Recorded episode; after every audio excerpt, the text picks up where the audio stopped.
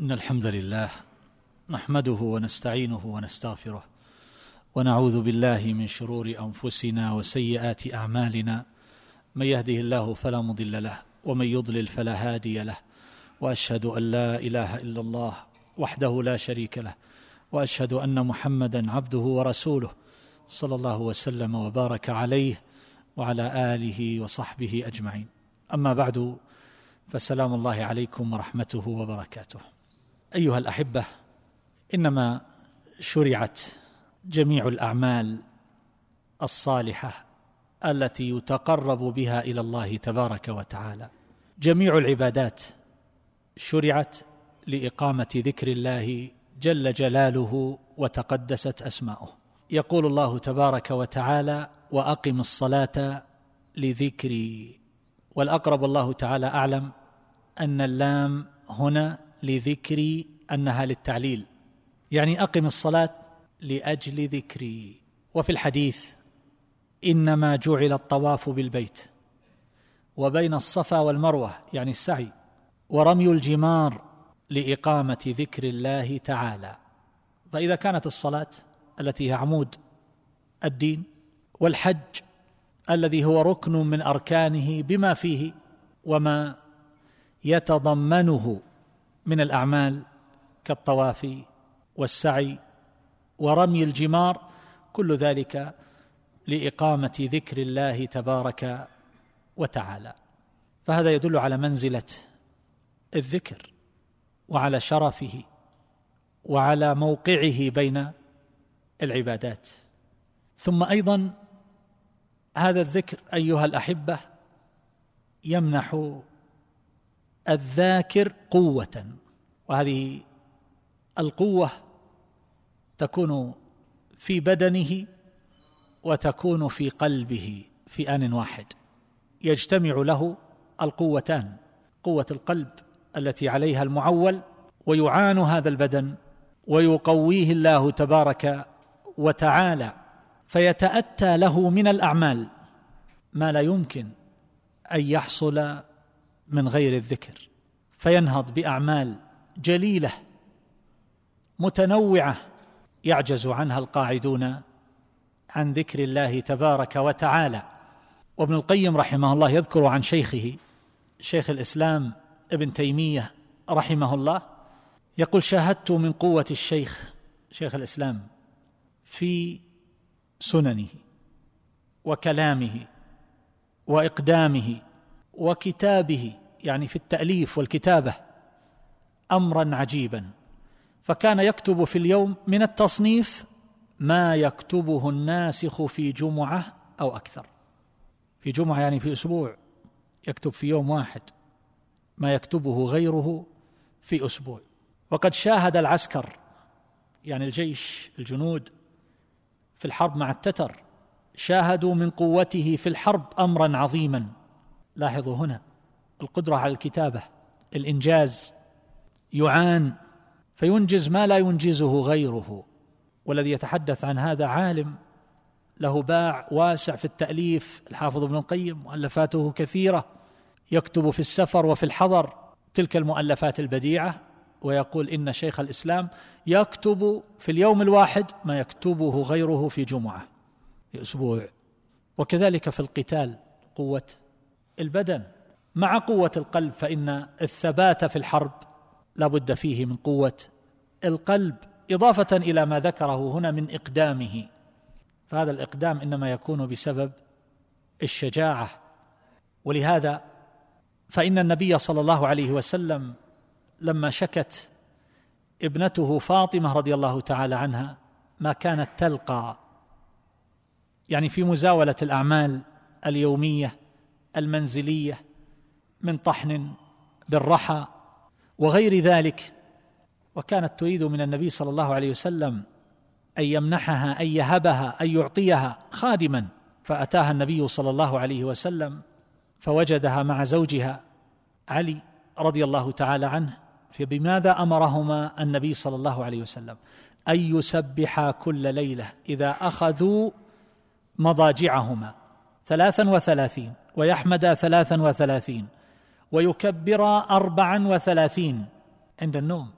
لاحظوا الآن هنا تريد من يعينها على الخدمة على القيام بهذه الأعمال التي أتعبتها. طحن. وما إلى ذلك من الأعمال اليومية؟ فقال النبي صلى الله عليه وسلم إنه خير لكما من خادم. اذا المرأة تعان التكاليف والأعباء من تربية الأولاد القيام على شؤون الزوج القيام على شؤون المنزل كل هذه الأعمال لا شك أنها شاقة فيحتاج المرء يحتاج الإنسان إلى عون على ذلك. فليس الطريق بالضرورة والحل لمثل هذه المشكلات والتحلل من هذه الأعباء يكون دائما بجلب الخادم أو الخادمة إلى البيوت. وما كل الناس يحصل له هذا. ونحن نشاهد أولئك نشاهد الكثيرين من أولئك الذين جلبوا الخدم. لربما تتأوه الواحدة وهي قائمة وهي قاعدة فتشعر بالتعب والإرهاق وهي تتقلب على فراشها أو على أريكتها وهي لم تبذل جهدا يذكر. ما عملت شيئا يذكر. هذا التعب ما مصدره ما منشأه. هذا الإرهاق هذا الشعور بالكلال والضعف. منشأه قلة الذكر فيورث ذلك الوهن في البدن فإذا وجد مع هذا المعاصي فذلك يحطمه. يحطم البدن. تجد صاحب الذنوب صاحب المعاصي قليل الذكر تجده ضعيفا. لا ينهض بشيء أو لا يكاد. ثم إنه قد قال بعض أهل العلم إن من داوم على ذلك يعني هذا الذكر الذي علمه النبي صلى الله عليه وسلم لعلي وفاطمة رضي الله عنهما. من داوم على ذلك وجد قوة في يومه مغنية عن خادم. وهكذا الرجال الذين يزاولون الأعمال. إذا كان الإنسان خلق في كبد يعني حتى الذي لا يعمل حتى المتقاعد حتى الرجل أو الشاب في أيام الإجازة تجد أنه يشعر بالإرهاق بالتعب وهو لربما لتوه قد استيقظ. من النوم. تعب من ماذا؟ هذا الإرهاق من ماذا؟ ولربما تجد من قد بلغ السبعين أو الثمانين أقوى وأنشط ويقوم بالأعمال ما لا يقوم به ذاك بل لا يقوم بعشر ما يقوم به هذا الكبير. فهذا يعان. ولذلك كان بعض أهل العلم يذكر أن زيادة الورد من القرآن كثرة القراءة وهذا من الذكر بل هو من أجل الذكر أن ذلك يكون سببا على مزيد من التحصيل والحفظ والإنجاز فيحصل في يومه وليلته ما لا يحصل إذا غفل عن ذكر الله تبارك وتعالى والاشتغال بقراءة القرآن. حينما نشكو من الضعف حينما نشكو من العجز حينما نشكو من قلة الإنجاز حينما نشكو من ضعف البركة في يومنا وليلتنا يمضي اليوم والليلة والإنجازات هزيلة ضعيفة.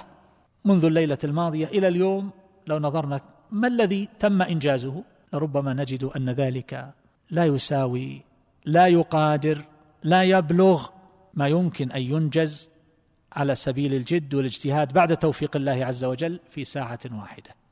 أشياء مفرقة مبعثرة ضعيفة هزيلة.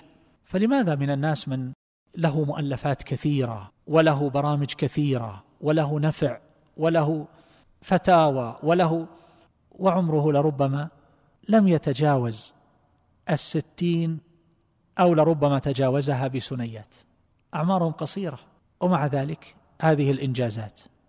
وتجد الآخر لا يكاد ينجز شيئا يذكر. فنكثر من هذا الذكر. نكثر من قول لا حول ولا قوة إلا بالله. هذه الكلمة كما يقول ابن القيم لها تأثير عجيب في معالجة الأشغال الصعبة وتحمل المشاق والدخول على الملوك ومن يخاف وركوب الأهوال أكثر من قول لا حول ولا قوة إلا بالله. لا سيما إذا كان الإنسان أمام شيء من المخاوف والصعاب والمزاولات الشاقة أكثر من قول لا حول ولا قوة إلا بالله. ودعك من كثير مما يقال استرخي أغمض عينيك خذ نفس بعمق وما إلى ذلك مما نسمعه هنا وهناك في بعض الدورات. خذ هذه الأذكار بعمق. أكثر منها اناء الليل وأطراف النهار. تجد القوة وتجد اللذة والسعادة الحقيقية والانشراح.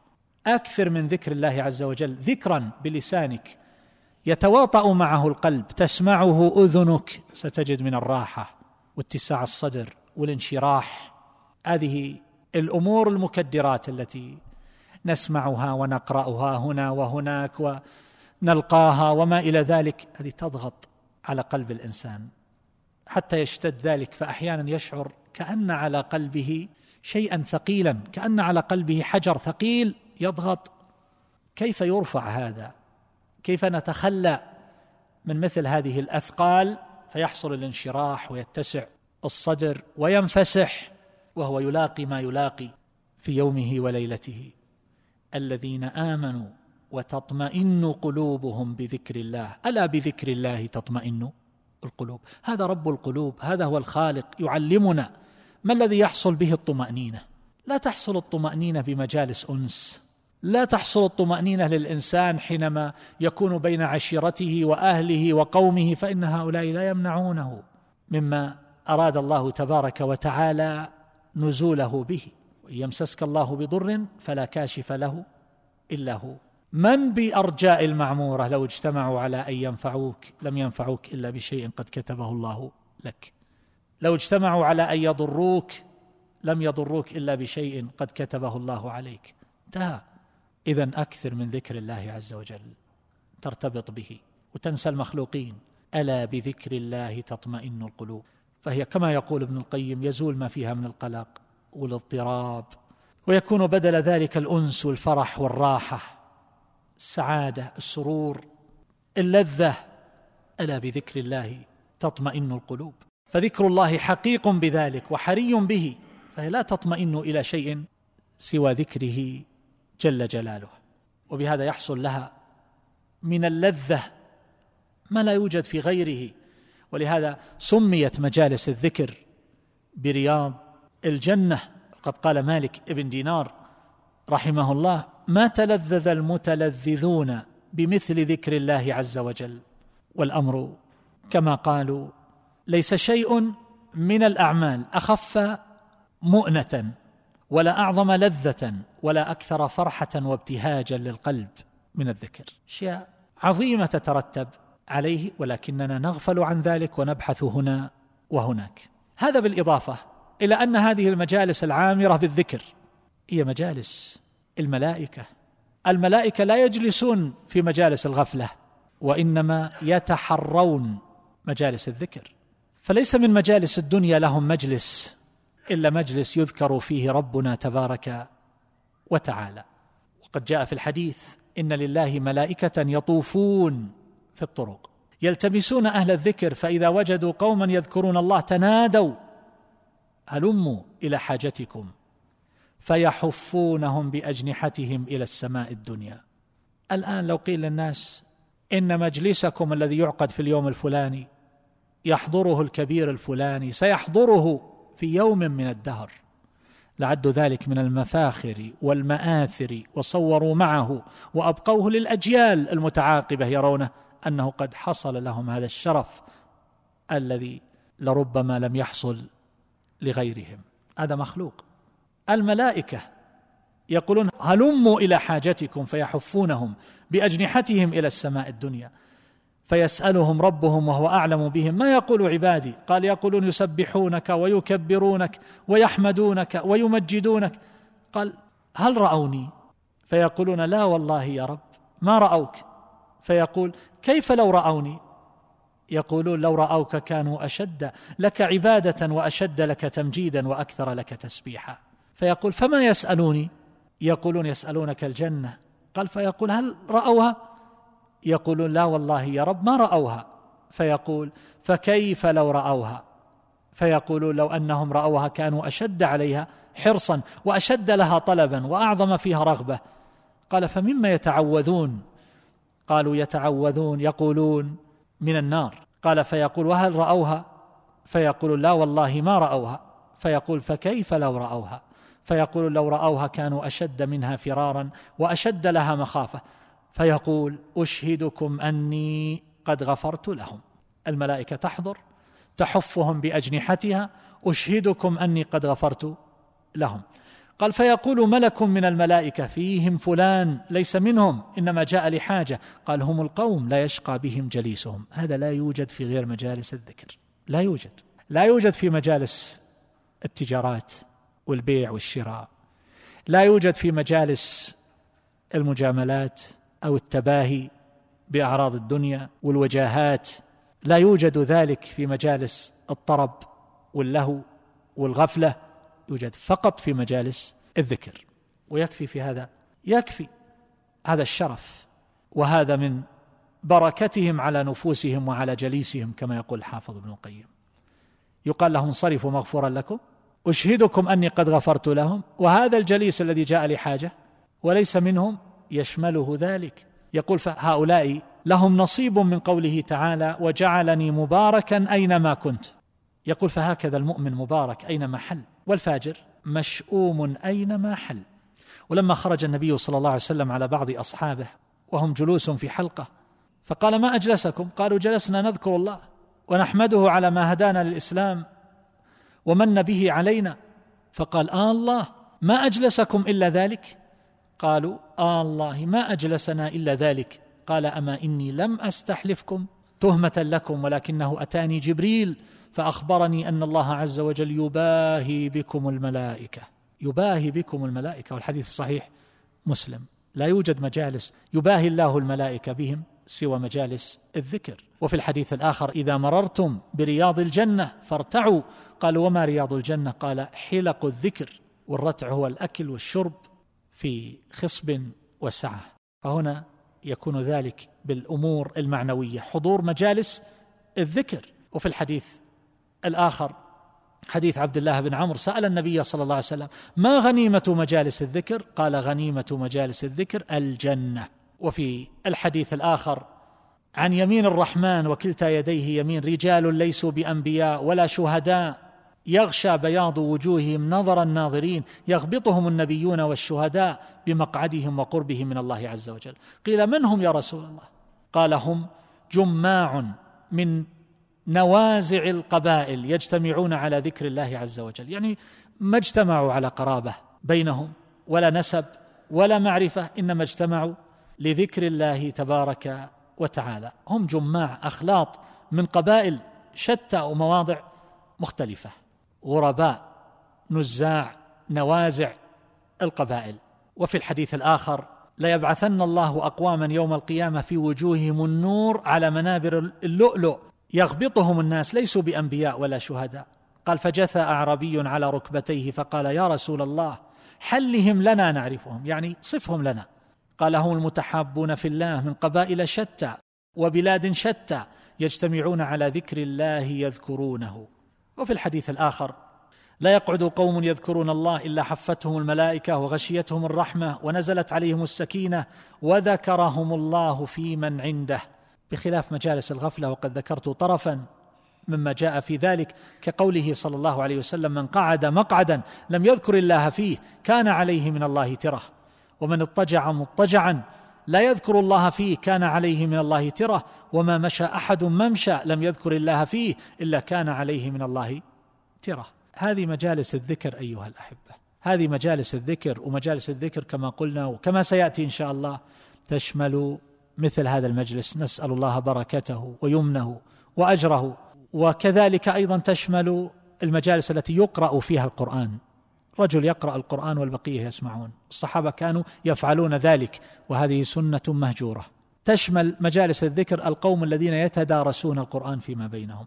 تشمل مجالس التفسير مجالس الفقه مجالس الحديث كما يقول شيخ الإسلام ابن تيمية مجالس العلم كل هذه مجالس الذكر. ومجالس الذكر تارة تكون في بيوت الله تبارك وتعالى. وهذا أشرف وأفضل وتارة تكون في البيوت الرجل مع أسرته ونحو ذلك. هذه اثنتان وعشرون فائدة للذكر ذكرتها في الليالي الماضية وختمتها في هذه الليلة. والحافظ ابن القيم رحمه الله ذكر أن في الذكر أكثر من مئة فائدة وأورد منها ثلاثا وسبعين فائدة. وقد ذكرت جملة من الفوائد التي سمعتموها مستقاة من النصوص نصوص الكتاب والسنة مما صح فيه الخبر. عن رسول الله صلى الله عليه وسلم. بقيت مسائل قليلة تتعلق بالذكر أذكرها في بعض الليالي القادمة ثم بعد ذلك أشرح الأذكار وأشرع في بيان معانيها وما في مضامينها من الهدايات. وقد شاورت عددا من الإخوان ومن طلبة العلم كنت أريد أن أورد ذلك من غير تقيد في كتاب ولكن جميع هؤلاء أشاروا أن يكون ذلك في كتاب ليكون أدعى للمتابعة والانتفاع وأن الكتاب الذي قد دخل كل بيت هو كتاب حصن المسلم. فمثل هذا يمكن مدارسته الرجل مع أهله الأخ مع إخوانه مع أخواته. في كل يوم لو جلسوا ربع ساعة ثلث ساعة في مثل هذا المجلس ونقل إليهم ما سمع. ينقل إليهم ما يسمع.